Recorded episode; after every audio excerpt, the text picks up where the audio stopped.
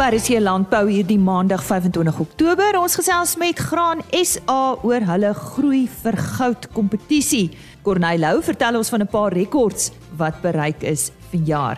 Ons het natuurlik nuus oor veilinge want dit is Maandag en meer spesifiek die Ou Albides veiling van 30 Oktober.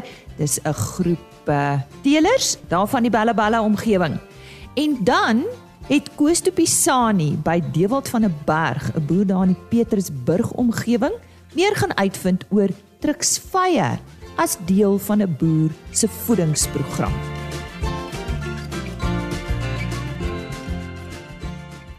Ek vertrou jy het 'n goeie naweek agter die rug net soos ek. My naam is Lise Roberts en jy is baie welkom vir oggend by RSG Landbou.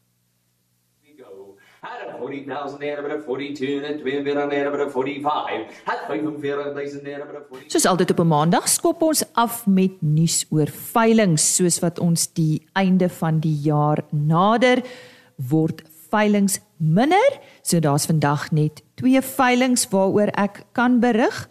Op die 28ste Oktober is die Marushal Bonsmara se 8ste produksieveiling.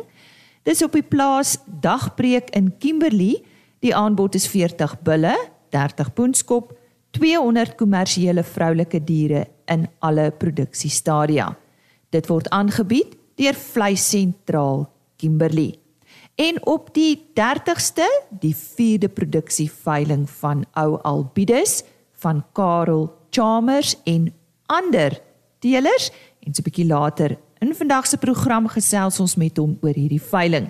Dit word aangebied by die Warmbad Veemark op Bella Bella. En sover dan ons nuus oor veilinge.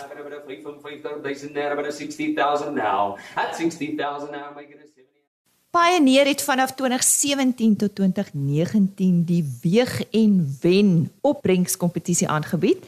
Nou dit het gegroei en uitgebrei na die Groei vir Goud kompetisie wat nou deur Graan SA aangebied word. uh, Pioneer bly egter die hoofborg van hierdie funksie. Nou die kompetisie nou in sy tweede jaar het onlangs hulle 2021 finaliste aangewys. Nou daar was 79 inskrywings in totaal ontvang waarvan 42 produsente in 15 kategorieë uiteindelik as finaliste deelgeneem het. Ek gesels nou met uh, Graan SA se senior ekonom Corneil Lou. Corneil, groei vir goud, soos ek gesê het, is 'n nasionale opbrengskompetisie, maar wat is die eintlike doel van hierdie kompetisie? Haai Lise, ja, ehm um, ek dink die die natuurlik soos soos die kompetisie sê, dis 'n opbrengskompetisie. So ek dink jou eerste mikpunt is om uh produsente die geleentheid en die spasie te gee om te uh, te kyk ehm uh, wat se opbrengste hulle kan behaal. Maar ek ek dink die die die doel van die opbrengskompetisie het bietjie geskuif, nie net van produsente wat kan kyk wat is die hoogste opbrengs wat hulle kan behaal nie, maar ook om te kyk wat is hulle effektiwiteit en hulle doeltreffendheid uh, oor tyd. So daar's bietjie 'n klemverskywing. Ja, die hoogste opbrengs en kompeteer in verskillende kategorieë op grond van opbrengs is is die hoofdoel. Maar ek dink dit gaan al hoe meer oor effektiwiteit en doeltreffendheid want daar daar's tog 'n 'n verskil tussen om die hoogste opbrengs te behaal en en die hoogste wins. Verduidelik gou vir ons luisteraars uh, wat nou nie boere is nie. Daar's baie van hulle wat hierdie program luister. As ons praat in hierdie geval van effektiwiteit, ehm um, ensovoorts, waarna verwys jy? Ek verwys uh, na om of meer te doen met met minder. Hmm uh of om die die uh, uh, of of anders gestel om om meer te doen met dieselfde uh insette of hulpbronne hmm. of om die dieselfde te doen maar met minder hulpbronne of insette. Hmm. hmm. So daar daar's 'n daar's 'n punt waar waar jy die doeltreffendheid van jou produksie uh, maksimaliseer en dis nie altyd die punt waar wat die hoogste opbrengs is nie. So hmm jou jou wins is 'n is 'n faktor van jou jou koste maal met die hoeveelheid wat wat jy produseer. Mm. So ehm um, dit dit gaan oor jou om om jou effektiwiteit te, te optimaliseer. Mm, mm. En dis dis die punt waar jy dan jou uh op jou hoogste wins uh produseer en nie noodwendig jou hoogste opbrengs. Oh, sy. Hoe gaan 'n mens te werk om in te skryf, Corneille? Lisa, uh, dis dis redelik eenvoudig omdat dit 'n 'n groot nasionale kompetisie is en daar's daar's verskeie kategorieë waar ons nou sal praat. Ehm um, steun ons baie op die saadmaatskappye om hulle produsente of hulle kliënte in te skryf. So dis die een manier om deur jou saadmaatskappy in te skryf. As jy direk wil inskryf, het jy maklike toegang tot ons webblad wat ons daarvoor ehm um, opgerig het. Uh die die uh, webblad is www.groeivergoud.co.za en daar kan jy baie maklik ehm um, jou jou registrasie inskryf. So jy jy kan of deur jou saadmaatskappy of jy kan deur uh, direk deur die webblad inskryf. Gesels bietjie met ons oor die verskeie kategorieë soos jy nou nou na verwys het. Dis dit daar's daar's altesaam in die in die somersaai gebied uh 16 kategorieë ehm um, waarvan sewe vir families is. Dis nou opgedeel in 6 uh, droëlandstreke en een besproeiing. Daar is sewe uh, uh sojaboon kategorieë waarvan dit ook 'n uh, 6 droëlandstreke en en een besproeiing is. Dan is daar een vir sonneblom reg oor die land, uh natuurlik droëland. En dan is daar een ehm um, uh een kleinskaalse boer kategorie wat kleiner as as 2 hektaar moet wees uh, en dis slegs families. En soos ek vroeër genoem het, is dit die tweede jaar wat groei vir goud aangebied is. Hoe het vanjaar se resultate vergelyk met die van verlede jaar? Het het daar dalk ietsie bietjie uitgestaan vir julle Corneille? Lise ja, definitief. Ehm um, daar daar's altesaam in hierdie kategorie 6 rekords behaal. Ehm um, uh, elke jaar gaan uh, het ons mos nou rekord van van die tyd wat weeg en wen begin het totdat ons dit oorgeneem het in die groei vir goud kompetisie het ons die rekords per kategorie bygehou en daar's hierdie jaar weer 6 nuwe rekords waarvan 2 by mielies is en 4 by sojabone. By mielies was dit ehm um, in die uh, was die rekord in die in die sentrale streek vir uh, mielies en in die watertafelgrond uh streek en by sojas waar daar vier rekords was was dit in die KwaZulu-Natal area, die oostelike Hoëveld area, die Oos-Vrystaat streek en ook die Noordwes uh, uh provinsie streek. Lisa soos ek genoem het in die ehm uh, mielie kategorie in in die sentrale streek het ons vir Japie breed gehad wat 'n opbrengs van 15.38 ton per hektaar behaal het. Ehm um, ook by mielies in die watertafel ehm um, kategorie het ons uh, vir Kobus en Neels Eksteen gehad wat 'n uh, opbrengs van 13.13 ton per hektaar gehaal het. Hulle al twee is uh, wil ek weer sê is droëland opbrengste.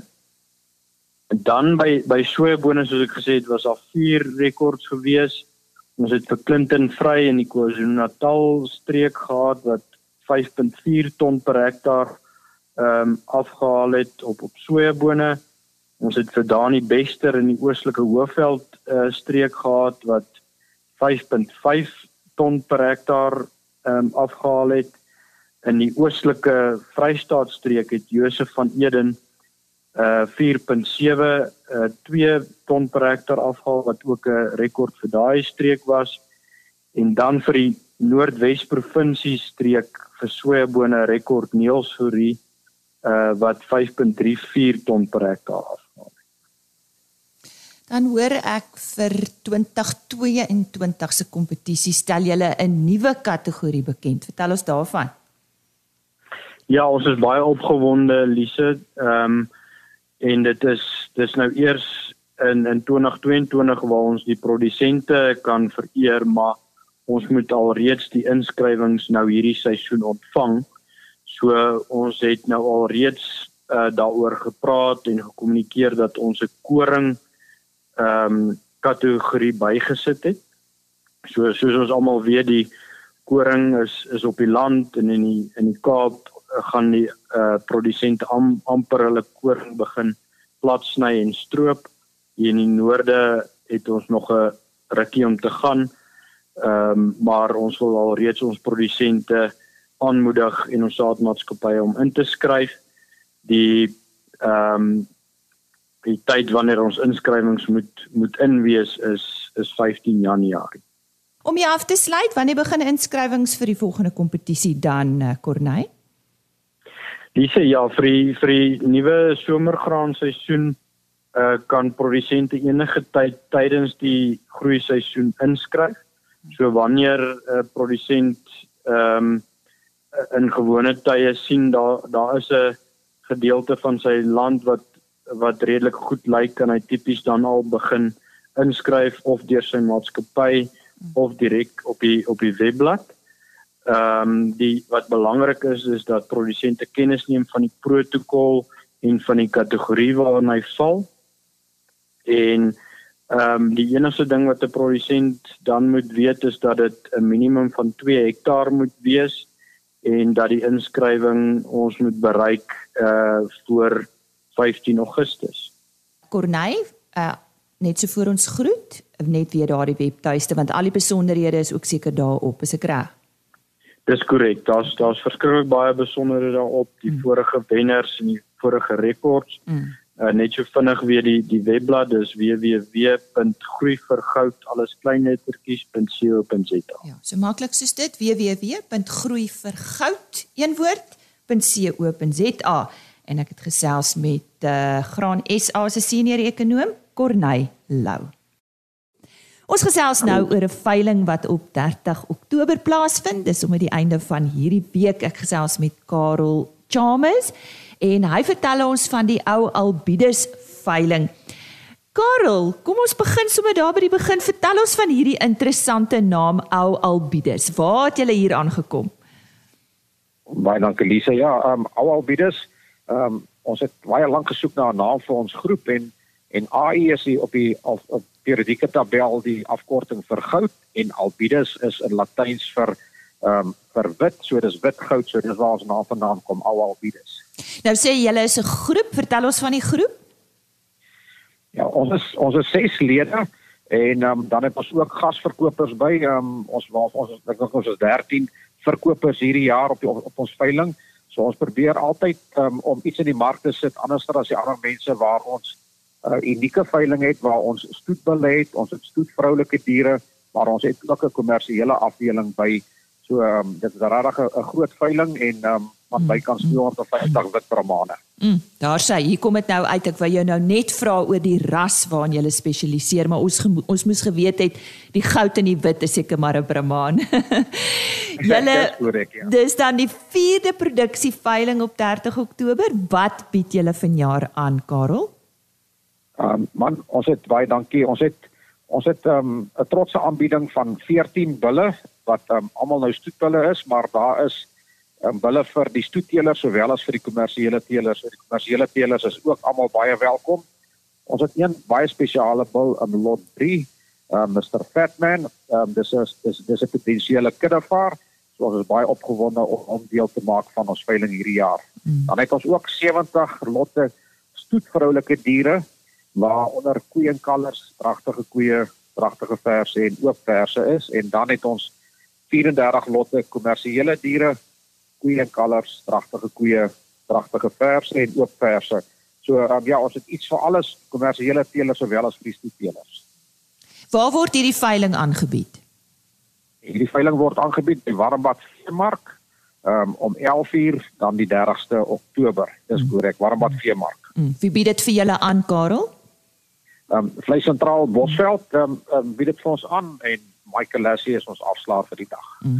Ons is ook aanlyn beskikbaar op Swiftvee vir die mense wat nie die veiling kan bywoon nie, is welkom om by Swiftvee um, in te skakel uh, of te registreer. So die veiling word fisies aangebied sowel as um, as aanlyn. Karel, en indien iemand meer inligting benodig of dalk vooraf die diere wil sien, is daar vooraf besigtiging? Ehm um, ja, vooraf besigtiging, die mense is baie welkom. Die diere sal almal Vrydagmiddag hier van 12:00 se kant af gereed staan, aangelot is.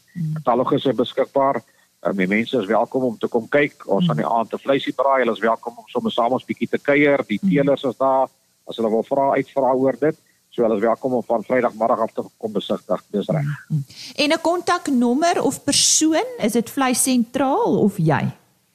Ja, dis vleis sentraal. Ja, ek is nou Karel Samers. Um, die telefoonnommer is 082 89 69586. Ek is een van die groeplede, maar ek is ook die bemarker van Vleis Sentraal Bosveld.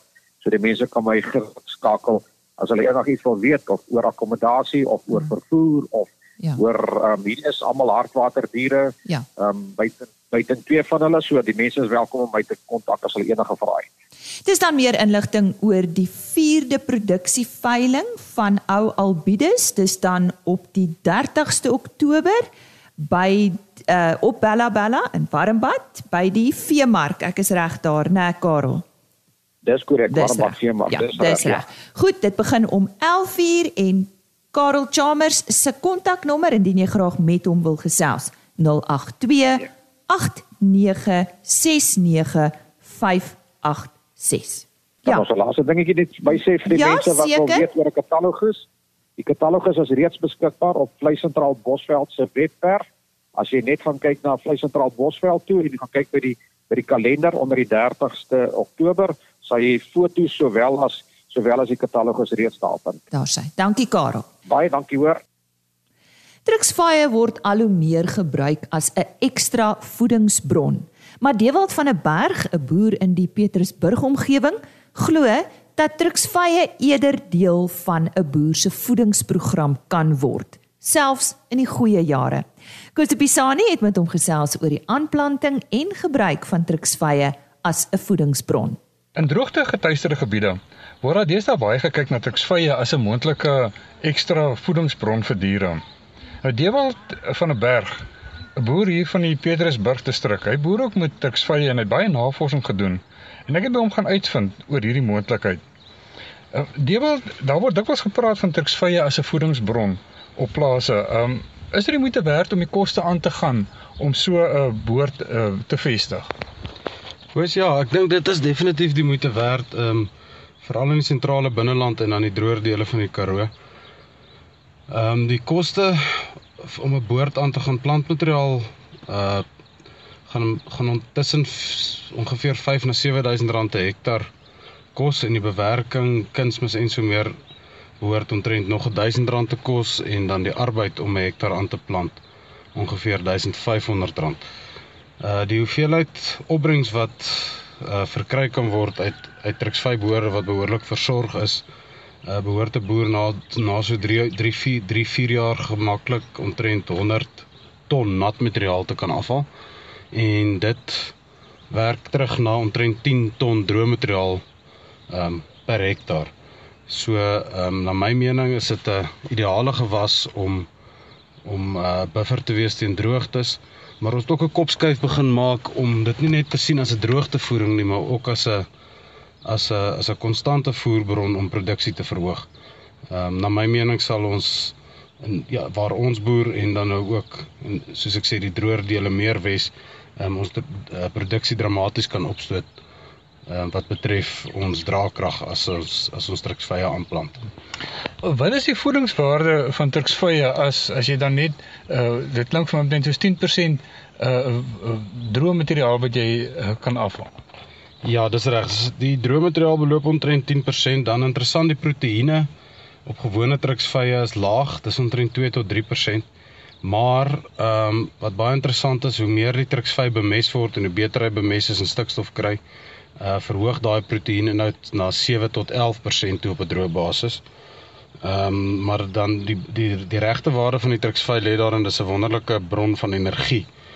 Ehm um, die energie van truksvy op 'n droë basis kan vergelyk word uh met mielies. Dis ongeveer 50% van die energie wat mielies het, ehm um, met truksvy op 'n droë basis. So Ehm um, dis 'n redelike klomp energie wat daai wat daai truksvy het en dan ehm um, die die riefie die riefie op 'n droë basis is ongeveer 15%. Vroeger jare het mense gereeld truksvye geplant, maar uh, as jy op verby die plase ry, dan sien jy dikwels dat hierdie uh, boorde het, het tot niet gegaan. Wat was die rede geweest dink jy dat die mense dit tot niet laat gaan het? Uh koes ek dink dit wat dit die groot probleem is is 'n swak praktyk, swak uh, bewerkingspraktyke en boordpraktyke en verkeerde kultivar keuses. Uh in die ou dae die soos ek verstaan het die departement landbou of die regering wie ook al die mense van die dag was vir die vir die al die boere in die Karoo gesê, jy weet plante lappie truksvye daar by die windpomp as droogte voer en jy weet in die droogte dan kan jy nou dit goed gebruik vir verwyding vir jou vee. Ehm um, en ek dink nie daar was op daardie stadium was die goed eintlik geskat na waarde nie en ek dink nie mense het moeite gedoen om die goed enigsins oordentlik te bewerk en te onderhou nie. Die tweede probleem was dit was die ou sogenaamde beestriks vrye die ehm um, die ronde blou blad wat ons almal in die Karoo dikwels sien, dis die Robusta en Monterey kultivars. Um, hierdie kultivars het in die proewe wat gedoen is deur um, mense soos prof um, Dr Herman Forsie van die Universiteit Vrystaat. Hulle het proewe gedoen met omtrent 43 kultivars buite Bloemfontein. En hierdie ou beestriks vir die Monterey en die Robusta spesifiek het omtrent die heel swakste gedoen van al die kultivars wat wat geëvalueer is. Um een van die redes hoekom hulle dit destyds dink ek dit aanbeveel het was hulle is wel meer weerstandig teen cochineal. Ek dink dit was die hoofrede, maar uh maar die groot skuis om terug te kom na die begin van jou vraag, die groot rede hoekom die druksvye wat hy oral so sien is die goed is nie versorg nie. Hoe hoe moet 'n persoon wat nou so boord wil aanplant, uh, hoe moet hy te werk of, of watter watter faktore moet hy in ag neem as hy nou besluit op die kultivar? Uh, wat betref die kultivars, uh daar is redelike wye proe of daar's soos ek die die proewe wat wat die Universiteit van die Vrystaat en en Dr Herman hulle gedoen het, het redelik die beste kultivars uitgewys. Daar's 'n aantal kultivars wat geïdentifiseer is wat baie goeie vrug en bladproduksie het. Ehm um, jy kyk na Morado, Algeria en Meyers, dan's daar die R R kultivars R1259 en R1260. Uh Gimno Carpo. Ag, so kan nou aangaan, maar daar maar die, ek dink dit is die beste om van die beproefde kultivars te vat en dan moet ook wat ons nog nie definitief weet nie. Ek is seker ehm um, sekere kultivars sal beter doen in sekere streke en omstandighede. Maar ek dink 'n goeie beginpunt is om uh, by die aanvang van van as, as 'n boer begin om van die uh, truksvye aan te plant, 'n verskeidenheid van die kultivars aan te plant van die topkultivars en dan kan elke elke produsent kan op sy eie plaas en onder sy eie omstandighede die die prestasie van die kultivars uh evalueer. En, en wat wat sou jy sê is die geheim om 'n truksvy boord suksesvol aan te plant en te benut? Die ding van 'n truksvy is daar bestaan 'n persepsie en dit sluit weer aan by die by die ou lanings wat oral lê. Daar daar bestaan 'n persepsie dat jy 'n truksvy kan plant en dat dit 'n geharde ding is en dat jy hom plant in die veld of in 'n landjie en dat jy hom net daar los en dat hy vir homself sal sorg. Uh nou dit kan nie verder van die waarheid af wees nie. As enige boer wat 'n truksvy wil plant moet besef, daai ding moet geboer word soos enige ander gewas, soos enige boord, soos enige voer gewas. Hy moet geboer word eerstens moet jou lande baie goed omheind wees. Uh of jy moet bereid wees om plaagbeheer toe te pas omdat die diere so omdat so smaaklik is vir diere. Kudu's, duikers, steenbokke, sulke goed um er 'n groot skade aan in die lande en is veral dit is veral sensitief daarvoor as jy as op die nuwe aanplantings want hulle is geneig om die blaaie uit te trek of die nuwe groei af te vreet en dan sukkel daai plant om te herstel.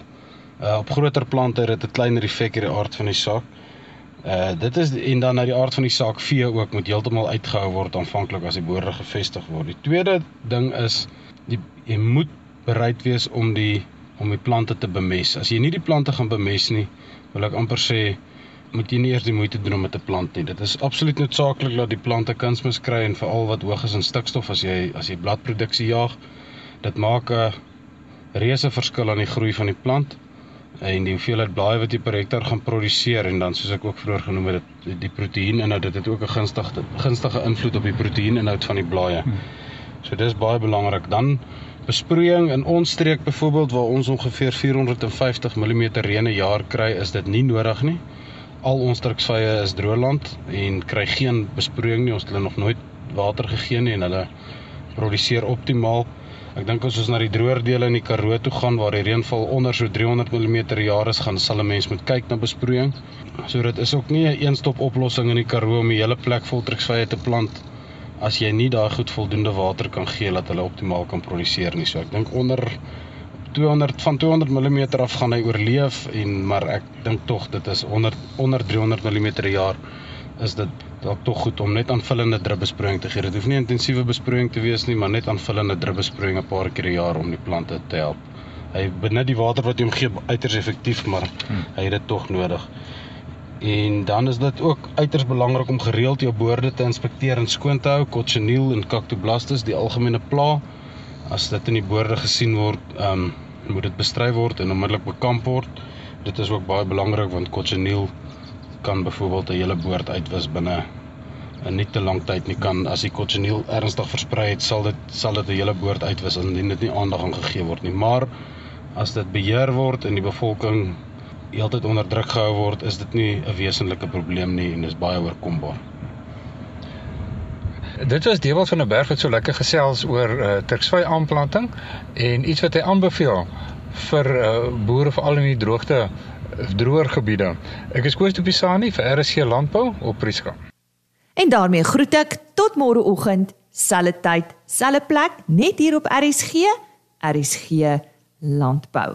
Ons uh, gesels dan met Wandile Sihlobo van Agbus oor die petrolprys stygings en wat die impak daarvan is op landbou.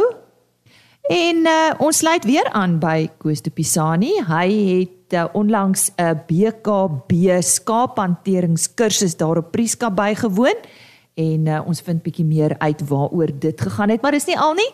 So, moet dit nie misloop nie. Ons kuier graag weer môreoggend. Ons webtuiste, indien jy graag weer na onderhoud wil gaan luister, is www.agriorbit.com en ons e-posadres rsglandbou@plaasmedia.co.za. Totsiens. RSG Landbou is 'n plaas media produksie met regisseur en aanbieder Lize Roberts en tegniese ondersteuning deur Jolande Rooi.